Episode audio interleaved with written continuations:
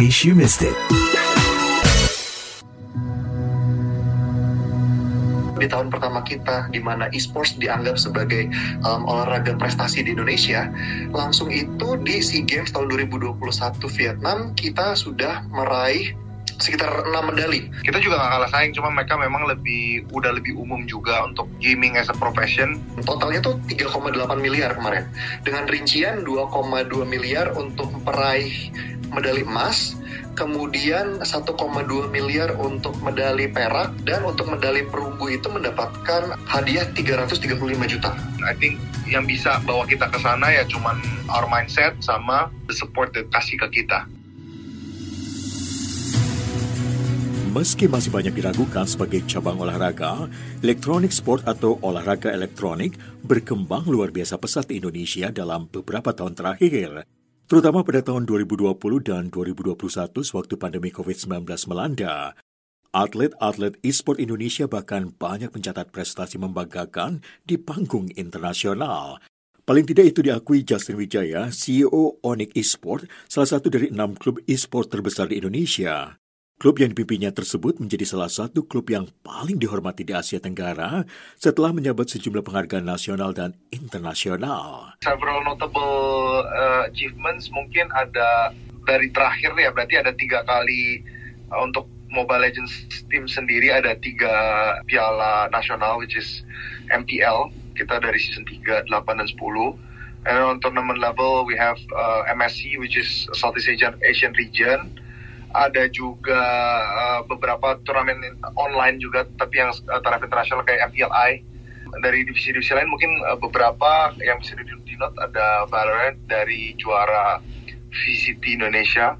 Kita juara dua kali yang nggak salah dari tahun ini dan tahun lalu. Uh, Free Fire juga ada juara Indonesia juga. So I think most of our divisions itu pernah rasain lah juara, juara nasional gitu Pemerintah Indonesia sendiri sudah mengakui bahwa e-sport adalah sebuah cabang olahraga.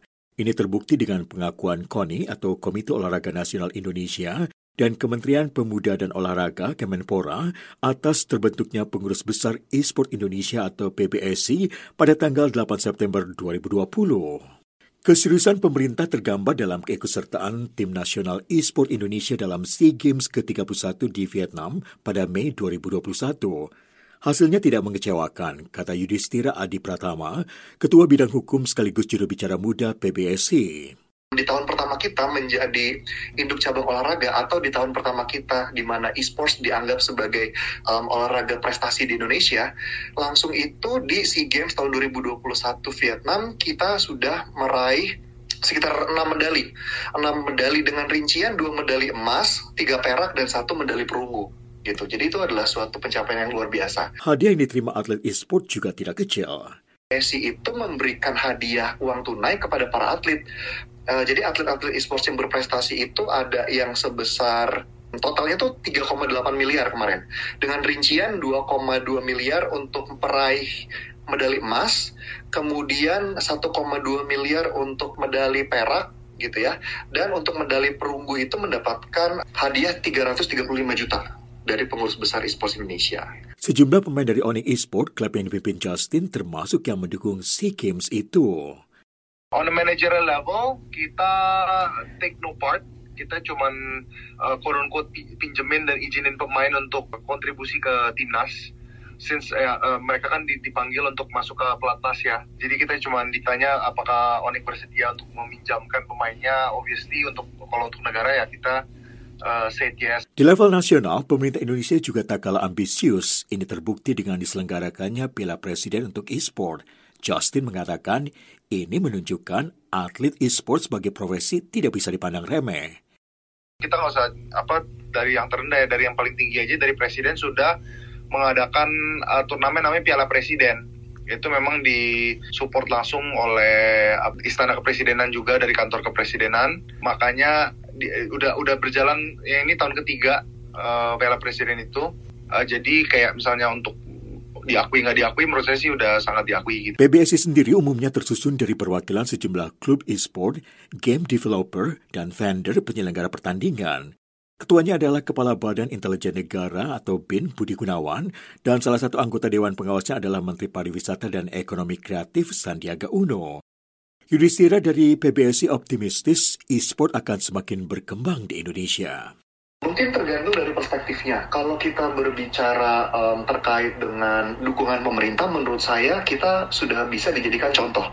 Karena um, menurut saya baru Indonesia ya, harusnya sih baru Indonesia yang menganggap e-sports itu sebagai olahraga prestasi di negaranya gitu. Kemarin sih saya dengar uh, Malaysia sedang mencoba untuk menerapkan hal tersebut, tapi sepertinya belum terjadi juga gitu. Dan dari segi kebijakan kita sangat maju sekali karena kita ada beberapa kemarin sudah ada beberapa kunjungan dan bertemu dengan menteri-menteri langsung. Kita ber, saya bertemu dengan tim saya di PBSI, bertemu dengan Menteri Kemenpora untuk membuatkan regulasi turunan terkait dengan dukungan olahraga elektronik gitu. Terus di satu sisi juga kita bertemu dengan Menteri Parekraf Pak Sandiaga Uno, yang mana Pak Sandiaga Uno juga sebenarnya merupakan pembina dari PBSI gitu. Jadi kita mendukung kerjasama dari Pak Sandiaga Uno, dia akan mengeluarkan suatu peraturan yang akan mendorong ekosistem gamingnya gitu karena game ini adalah salah satu produk uh, kreatif ekonomi yang diusung uh, oleh Kemenparekraf yang ingin dikembangkan oleh Parekraf. Menurut Yudhistira, dibanding sejumlah negara tetangga, Indonesia lebih maju dari segi perundang-undangan.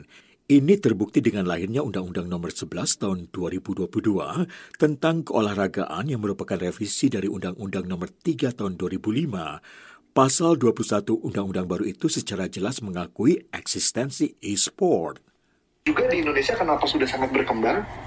Um, kebetulan um, sistem perundangan perundang-undangan di Indonesia juga sudah mengakomodir e-sports. Jadi kemarin itu kebetulan saya ikut um, perubah uh, terkait dengan um, rapat paripurna perubahan undang-undang olahragaan ya nomor 3 tahun 2005 tentang olahraga yang sekarang saat ini sudah dirubah menjadi Undang-Undang Nomor 11 Tahun 2022 tentang keolahragaan.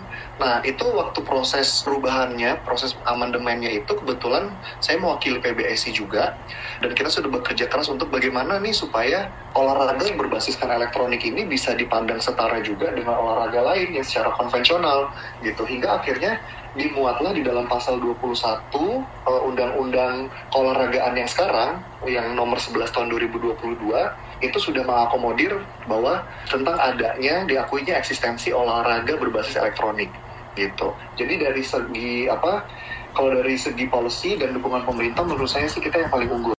Terkait dengan lahirnya legislasi itu, PBSI saat ini bersama Kemenpora sedang membuat regulasi turunan terkait dukungan untuk e-sport dan bersama Kemenparekraf menciptakan regulasi yang akan mengatur ekosistem elektronik gaming. Yudhistira menganggap ini penting mengingat menurut perhitungan PBSI ada 52 juta elektronik gamer di Indonesia atau sekitar 27 persen dari populasi Indonesia dan ratusan atau bahkan ribuan pengembang video game. Salah satu peraturan yang dipertimbangkan kemungkinan juga adalah terkait jual beli pemain, termasuk pemain asing. Sebagai reformasi, sejumlah klub nasional termasuk Onyx Esport diketahui merekrut pemain asing di tengah ketiadaan regulasi. Mengapa pula pemain asing direkrut klub-klub Indonesia? Justin, Onyx, menjelaskan alasan merekrut Kairi Reyes Del Sol, pemain Filipina. Ya, salah satu alasannya adalah kita memang cari pemain dengan posisi yang kebetulan si Kairi mainkan. Di posisi ini memang ada beberapa nama, list nama yang kita sudah shortlist. Cuman dari para coaches juga uh, menyarankan Kairi ini adalah sebagai orang yang kita uh, bawa masuk. Kita ngelihat di mana kayak memang Filipina da dari segi internasional level lebih apa ya lebih kompetitif. Uh, jadi kita kayak ya why not kita bawa dari kita we we need to learn from from the better person juga so nggak ada gunanya kita kayak belajar sama orang yang lebih bodoh atau I'm not saying that yang lain bodoh nggak but uh, we need to learn from the smarter ones lah. Tidak cuma itu, dalam upaya untuk lebih menggairahkan e-sport, pemerintah juga mengembangkan program-program lintas kementerian Kemenpora bersama Kemendikbud contohnya sedang mengupayakan agar e-sport menjadi pilihan kegiatan ekstrakurikuler di tingkat sekolah menengah atas. Sementara itu, Kemenpora bersama Kemenparekraf juga sedang mengembangkan e-sport tourism. E-sport tourism itu adalah um, begini, kita mengalokasikan suatu pertandingan pada lima daerah wisata yang menjadi prioritas Indonesia saat ini, gitu. Jadi kayak misalnya ada di Labuan Bajo, gitu kan. Nah, kita bisa mengadakan um, e-sports turnamen di situ sehingga orang-orang akan datang ke sana, akan ada kerumunan di sana dan terciptalah suatu ekosistem yang bisa mendorong perekonomian jadi kayak kita mempromosikan lima destinasi wisata itu dengan mengombinasikan uh, potensi yang didapat dari ekosistem e-sportsnya. Terakhir dan tak kalah penting, Indonesia juga membuka diri sebagai tempat penyelenggaraan kegiatan-kegiatan e-sport internasional. Pada 2 hingga 11 Desember 2022, Indonesia atau tepatnya Nusa Dua Bali menjadi tuan rumah World Esport Championship ke-14 sekaligus Esport Summit 2022. Lebih dari 600 pemain dari lebih dari 120 negara terlibat dalam kompetisi akbar itu. Pertandingannya sendiri dilangsungkan di ruang terbuka di tepi pantai yang pertama dalam sejarah kompetisi itu. Negara mana yang menjadi kiblat Indonesia untuk lebih memajukan e-sport? Justin berpendapat, paling maju menurut saya sih Cina dan Korea ya untuk Asia ya. Pertama di Cina itu memang mereka sangat didukung bahkan uh, disubsidi juga katanya sama pemerintahnya uh, untuk fasilitas-fasilitas tertentu. Terus memang sumber daya manusianya yang banyak juga kasih mereka slight advantage juga. Kita juga gak kalah saing, cuma mereka memang lebih udah lebih umum juga untuk gaming as a profession. Sedangkan untuk Korea juga it's already acknowledge itu dream job juga for a lot of gamers di sana and I think yang bisa bawa kita ke sana ya cuman our mindset sama the support that kasih ke kita gitu. Yudhistira berpendapat, Cuman kalau untuk dari um, aspek infrastruktur ya, kita bisa merujuk kepada negara Korea Selatan. Jadi negara Korea Selatan itu kemarin um, kebetulan saya menjadi perwakilan juru bicara dari pengurus besar esports Indonesia um, untuk mengikuti acara esports summit di sana dan acaranya diadakan di esports hub yang berlokasi di Busan gitu. Jadi um, itu adalah suatu bangunan ya yang memang itu dikhususkan untuk aktivitas esports di situ. Jadi itu satu ada sekitar kayak ada satu lantai khusus, satu atau dua lantai khusus gitu ya. Itu memang khusus untuk ada pertandingan, itu juga bisa ada pelatihan e-sports di situ, ada juga kayak um, apa fasilitas pendukung untuk bikin podcastnya, untuk e-sports, termasuk juga untuk live streaming. Di situ tuh ada. Nah, jadi itu mungkin adalah suatu contoh yang bisa menjadi aspirasi bagi kita um, untuk bisa memajukan e-sports Indonesia lebih baik lagi. So, bagaimana cara meyakinkan para orang tua bahwa e-sport adalah olahraga yang bisa membawa prestasi membanggakan? Cara merubah pandangan yang mungkin dari dengan achievements, dengan dengan kasih buka mata juga dengan kasih lihat like uh, how big the industry is. Soalnya memang kan pendapatan gaming lah, uh, bukan e-sportnya, pendapatan gaming di seluruh dunia apalagi pas covid kan memang naik dan the, the trend will will continue juga as uh, the newer generations take over. Justin mengusulkan bayangkan e-sport sebagai olahraga catur. If we take the meaning literally then yeah maybe it's not like a physical activity but then we take the, the word sports for its competitiveness uh, di mana memang dalam berkompetisi semua aspek yang ada di kompetisi di sport di gaming pun ada ya cari poin cari menang the mentality everything is more or less the same. Yang bedain cuma memang activity-nya.